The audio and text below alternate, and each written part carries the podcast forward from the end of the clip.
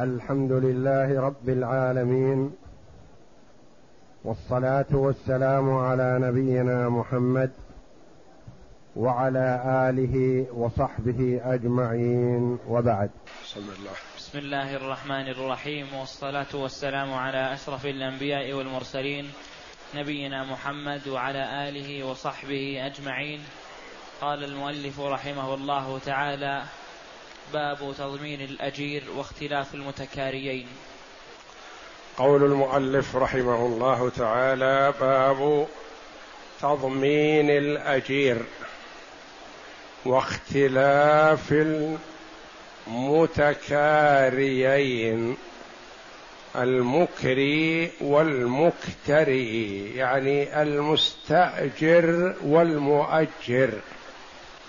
فهذا الباب تحته فصول في تضمين الأجير وفي اختلاف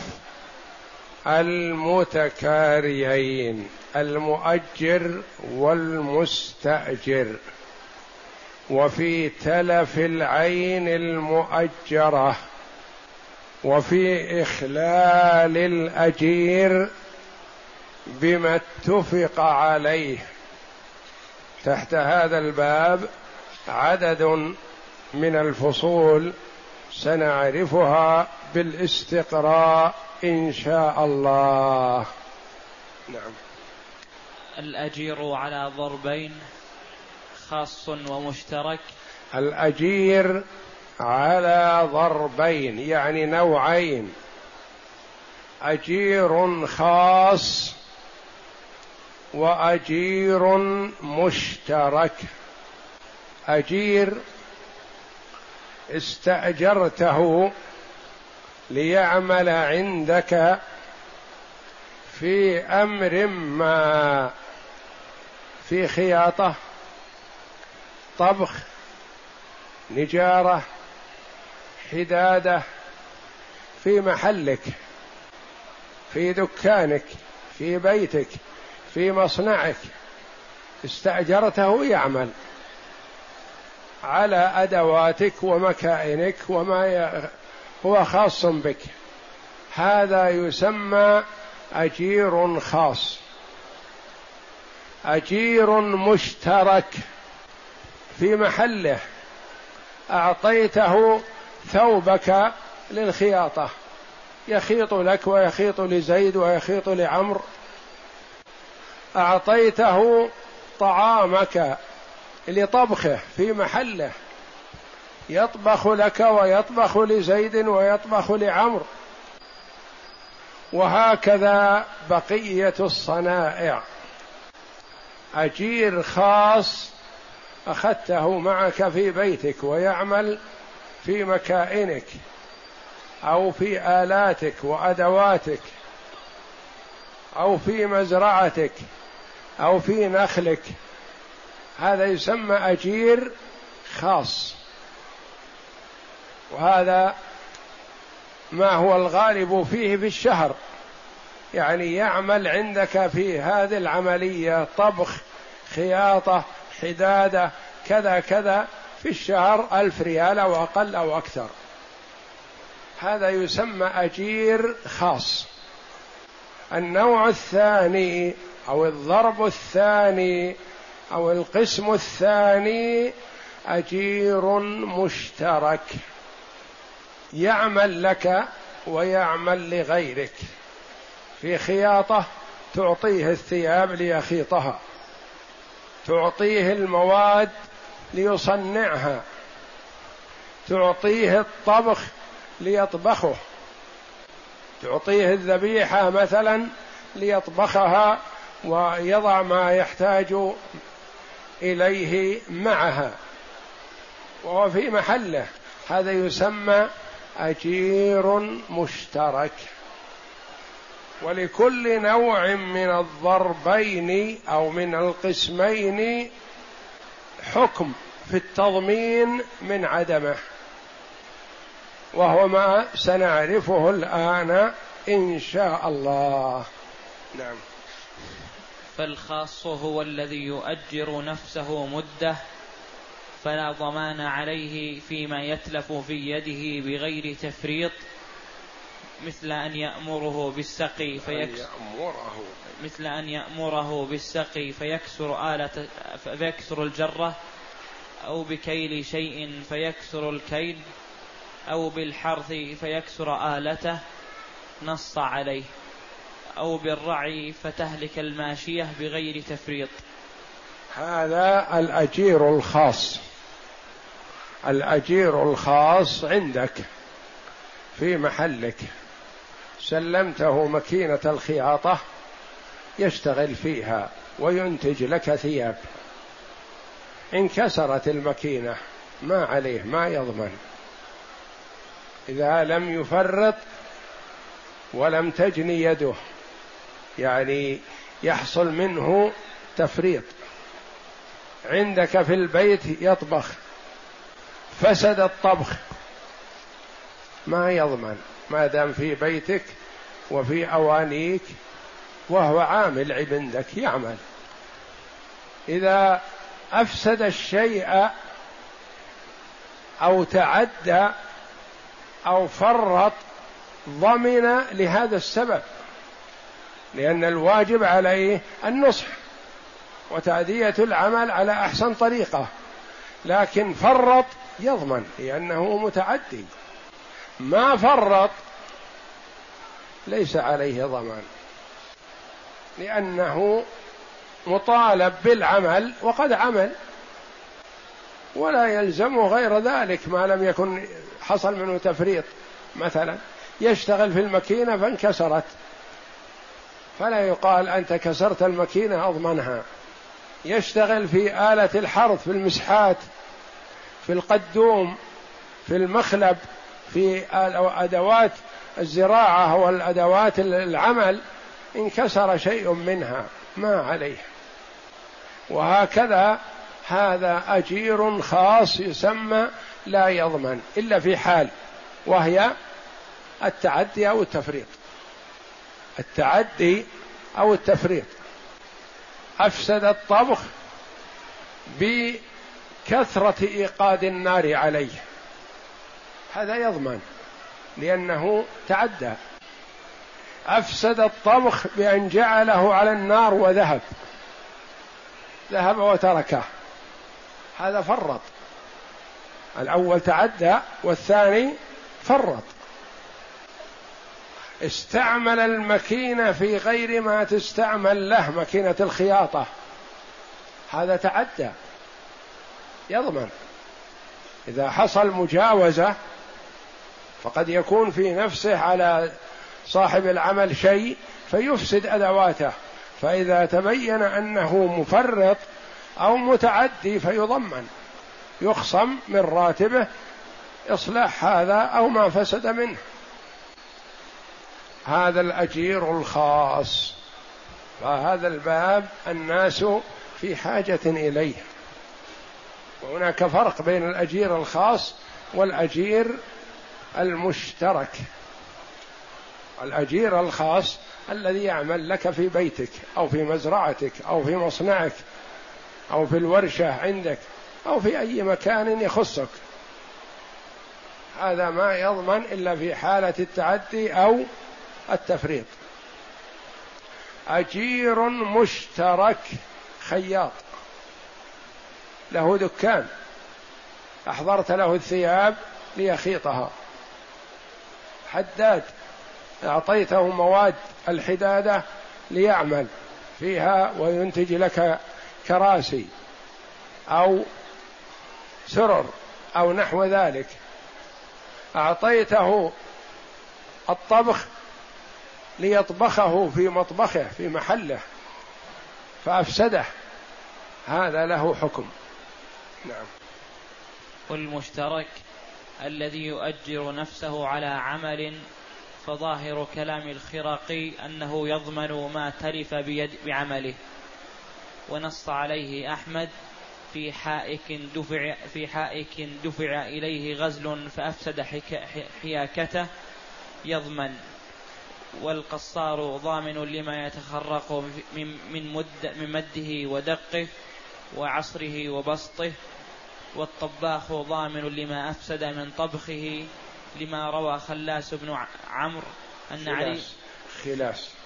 خلاس. بن عمرو أن عمر أن علي رضي الله عنه كان يضمن الأجير ولأنه قبض العين لمنفعة من غير استحقاق. لمنفعته هو. نعم. لأنه قبض العين لمنفعته من غير استحقاق فكان ضامنا لها كالمستعير. نعم. المشترك الذي يؤجر نفسه على عمل يعني أن تستأجره لخياطة هذه الثياب عشرة ثياب. تستأجره لعمل ما في محله في دكانه في ورشته هو. يقول فظاهر كلام الخرقي رحمه الله مؤلف المتن لأن المغني هو شرح لمختصر الخرقي رحمه الله. ظاهر كلام الخرقي أنه يضمن ما تلف بعمله. أعطيته ثياب ليخيطها فأفسد خياطتها فيضمنها يعني أعطيتك إياها لتصلحها وتكون خياطة حسنة تلبس. أفسدها يتعلم ما يعرف فأفسد التفصيل والخياطة فيضمنها. يلزمه أن يضمن القماش الذي أفسده وليس له أجرة على ما عمل. ونص عليه أحمد في حائك دفع إليه غزل فأفسد حياكته. جئت مثلا إلى حائك فأعطيته صوف أو قطن أو حرير لأجل أن يحوكه حياكه. يعمله لك مثلا ثوب أو رداء أو سجادة أو فراش أو فنيلة أو شراب ونحو ذلك. فأفسده. صار عمله غير صالح. شراب ما تدخل فيه الرجل بل ولا الأصبع الكبيرة مثلا. أو فنيلة وأخبرته بالمقاس فجعلها فنيلة لطفل صغير. أو خياط الثياب أفسدها. هذا يضمن. لأن المفروض أن يكون عمله نافع مفيد لك. ما أعطيته القماش من أجل أن يفسده وربما تعطيه قماش غالي غالي الثمن فيفسده عليك. فيضمنه بقيمته. وليس له أجرة على ما عمل. نص عليه أحمد في حائك دفع إليه غزل فأفسد حياكته يضمن والقصار القصار من هو؟ هو الغسال. في عرفنا القصار هو الغسال الذي يغسل الثياب. والقصار ضامن لما يتخرق من مده ودقه وعصره وبسطه. القصار مثلا أعطيته ثياب يغسلها فغسل الثوب ففتله فتله حتى انقطع من شدة فتله أو عصره حتى انقطع أو وضعه على شيء وبدأ يضربه في شيء حتى كأنه قصده في يظهر الوسخ اللي فيه فإذا به يتخرق من هذا الضرب يضربه. لما يتخرق من مدة أو أخذ يمدده يمغطه فتشقق. وعصره وبسطه يعني كأنه أراد له الكي يكويه حتى تذهب الثنايا اللي فيه والتعرجات فكواه فاحترق أو تقطع أو انشق. كل هذا يضمن لأنك أعطيته إياه ليعمل العمل الذي فيه إصلاح. ما أعطيته ثوبك أو المشلح أو الغترة أو الشماغ لأجل يقطعه ويعطيك إياه تالف. لا أنت أعطيته إياه ليغسله وليكون حسن صالح للاستعمال.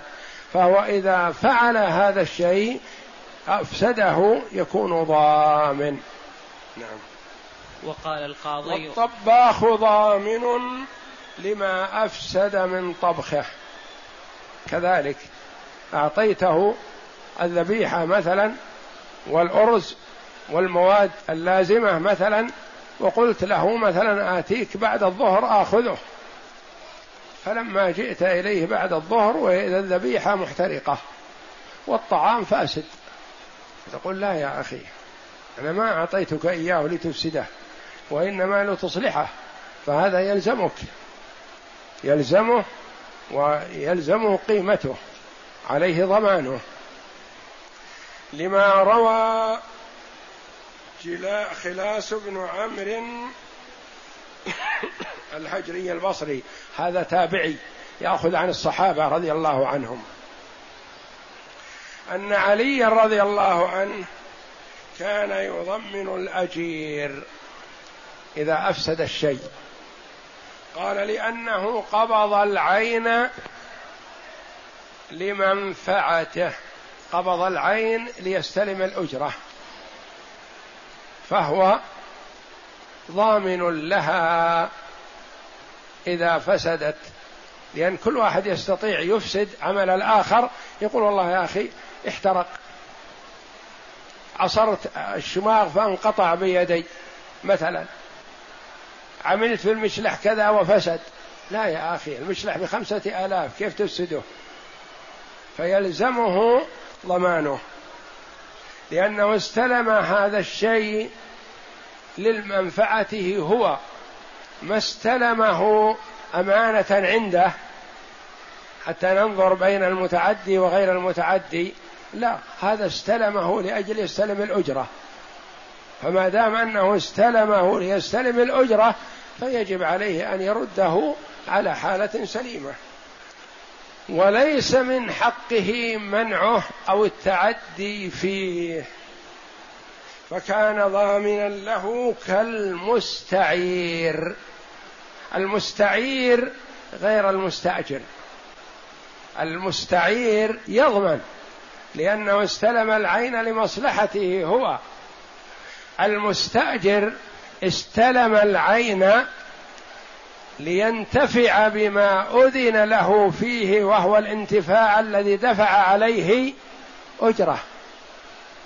فالمستعير غير المستأجر. المستأجر دفع أجره مقابل المنفعة.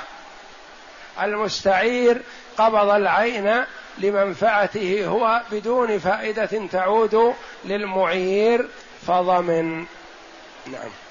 وقال القاضي وأصحابه إن كان يعمل في ملك المستأجر كخياط أو خباز أخذه إلى دهره ليستعمله فيها فلا ضمان عليه في لم يتعد فيه مثل أن يسرف في الوقود أو يلزقه قبل وقته أو يتركه بعد وقته فيضمن لأنه أتلفه بعدوانه وما لا فلا ضمان عليه لأنه القاضي أبو يعلى رحمه الله يفرق بين الأجير المشترك الذي يعمل في دارك أو يعمل في داره هو.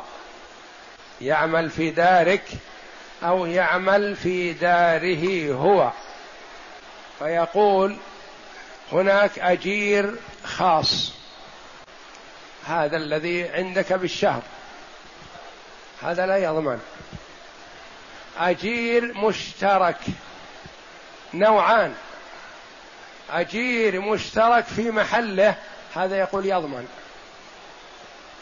أجير مشترك أنت أخذته ليعمل لك هذا العمل. وهو يعمل عندك ويعمل عند غيرك ليس لك خاص. قال هذا ما دام أنه يعمل في بيتك أو محلك فالأولى ألا يضمن إلا مثل ذاك إن حصل تعدي أو تفريط. فإذا لم يحصل تعدي ولا تفريط فلا يضمن. إذا عند القاضي أبي يعلى رحمه الله الأجير ثلاثة أنواع ما هو ضربان ثلاثة. أجير خاص عندك. ما يعمل عند غيرك. أجير مشترك يقول ضربان. يعمل في محله. تعطيه أنت ويعطيه غيرك. هذا يضمن. أجير مشترك أخذته أنت في محلك. جاء يعمل عندك ويذهب يعمل عند زيد ويذهب يعمل عند عمرو في دوركم وفي محلاتكم. هذا يقول ينبغي أن نلحقه في الأول ما دام يعمل في عملك إلا إن حصل تعد أو تفريط منه فنلزمه بالضمان. كخياط أو خباز أخذه في إلى داره ليستعمله فيها يقول فلا ضمان عليه ما لم يتعد فيه مثل أن يسرف في الوقود. أخذته ليطبخ. طبخ عندك ويذهب يطبخ عند زيد ويذهب يطبخ عند عمرو وهكذا. لكنه أسرف في الوقود.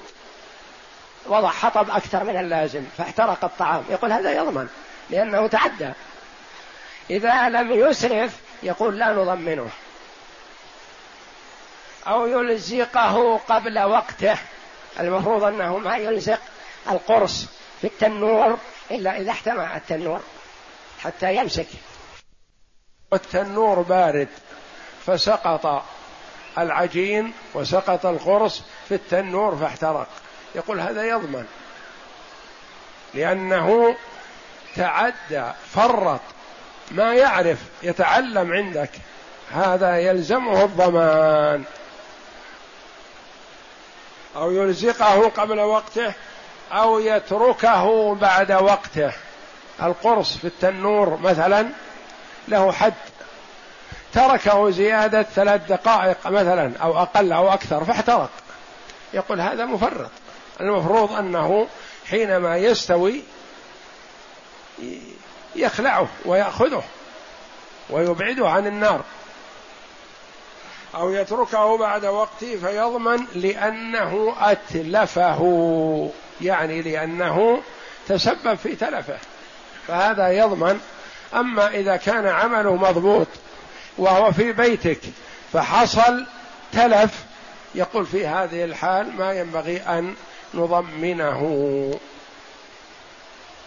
ومثل هذا مثلا الذي يعمل في حديقة عندك وحديقة عند زيد وحديقة عند عمرو يعمل في المسحات في الكريك في شيء من الأدوات فانكسر. إن كان بتعد أو تفريط هذا يضمن كلهم كلهم أجير إذا تعدى أو فرط فإنه يضمن. لكن هذا ما دام يعمل في محلك ولم يتعدى ولم يفرط وإن كان يعمل عندك ويعمل عند غيرك فهو غير ضامن. نعم. هذا على رأي أبي على رحمه الله. والمذهب على أن التفريق فقط بين الأجير الخاص والأجير المشترك. الأجير الخاص لا يضمن ما لم يتعدى أو يفرط والأجير المشترك يضمن حتى لو لم يتعدى ولم يفرط. نعم. لأنه سلم نفسه إلى صاحب العمل فأشبه الخاص. وإن كان العمل في غير ملك المستأجر ضمن ما جنت يده لما ذكرناه. هذا التعليل من أبي يعلى رحمه الله يقول لأن هذا الأجير وإن كان مشترك فهو عبارة سلم نفسه. يعني جاء يعمل في بيتك يعمل في حديقتك يعمل في مزرعتك يعمل في مصنعك هذا أجير نلحقه بالخاص. وإن كان يعمل عندك ويعمل عند غيرك. نعم. ولا ضمان عليه فيما تلف من حرزه لأنها أمانة في يده فأشبه المودع. إن حبسها على أجرتها فتلفت ضمنها لأنه متعد بإمساكها إذ ليست رهنا ولا عوضا عن الأجرة. ولا ضمان عليه فيما تلف من حرزه. انتبه. الخياط أعطيته الثياب ليخيطها. في الدكان وفي حرز مثلها فتعدي على دكانه في الليل وسرق. جئت تطالبه بثيابك. يقول يا أخي سرقت ثيابك مع ثيابي مع ثياب الآخرين. أنا أقفلت عليها الدكان لكن تعدى عليها لصوص في بأدوات قوية وكسروا الدكان وأخذوا ما فيه. هنا يضمن لا لأنه ما فرط ولا حصل من تفريط.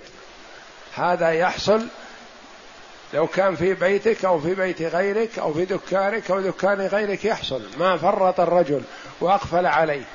بخلاف ما إذا ترك الدكان مفتوح وسرقت الثياب هذا مفرط. ما حط أضعها في حرز مثلها. ففرق بين الأحوال فلكل حال حكم. الشريعة الإسلامية تفرق بين إنسان مستهتر غير مبالي يضمن. إنسان أخذ الاحتياطات اللازمة واهتم بما أعطيته لكنه حصل تقصير من غيره وحصل تعد من غيره. في هذه الحال ما يضمن لأنه ما فرط في شيء. ولا ضمان عليه فيما تلف من حرزه لأنها أمانة في يده فأشبه المودع. مثل من أودعته شيء يحفظه فسرق منه ولم يفرط فلا ضمان عليه. نعم. فصل. ولا ضمان على المستأجر في العين المستأجرة. إن تلف لا لا أصبر. إن حب فأشبه المودع. إن حبسها على أجرتها فتلفت ضمنها. انتبه. هذه مهمة. حبسها على أجرتها فتلفت ضمن لأن يده أصبحت يد غاصب. أعطيته الثياب ليخيطها فخاطها. وجئت لاستلامها. فقلت له يا أخي أعطيني ثيابي العشرة. قال العشرة أنا خذتها لك بأربعمائة ريال حسب ما اتفقنا. تقول له أعطني الثياب وإن شاء الله أجيب لك الدراهم. قال لا ما أعطيك الثياب حتى تحضر الدراهم أربعمائة ريال. فحاولت معه فأبى فتركتها عنده. وذهبت أنت وإياه لصلاة المغرب فلما رجع من صلاة المغرب هو وجد الثياب قد سرقت وهو قد أقفل عليها وأخذ الاحتياطات اللازمة لكنها سرقت. في هذه الحال يضمن. لما؟ لأن يده يد غاصب. ما من حقه أن يحتجز الثياب حتى تسلمه الأجرة. لأن الأجرة ليست ثمنا للثياب الثياب ربما تكون بخمسة ألاف والأجرة أربعمائة ريال. فما يحجز ثياب بخمسة آلاف مثلا من أجل أربعمائة ريال؟ وليس من حقه أن يحبس العين حتى تحضر الأجرة الأجرة يطالبك بها يطالبك بها ويأخذ حقه. لكن الثياب أو الطعام أو الطبخ أو الأدوات أيا كانت صناعية ليست قيمة وحدا ورهنا لهذه العين. فإذا سرقت الثياب بعد منعه حبسها عنده وأنت قد طلبتها إذا سرقت فيكون ضامن لأن يده يد غاصب. ما من حقه أن يحجز الثياب. إن حبسها على أجرتها فتلفت ضمينها. لأنه متعد بإمساكها. ما من حقه يمسكها حتى تحضر الأجرة.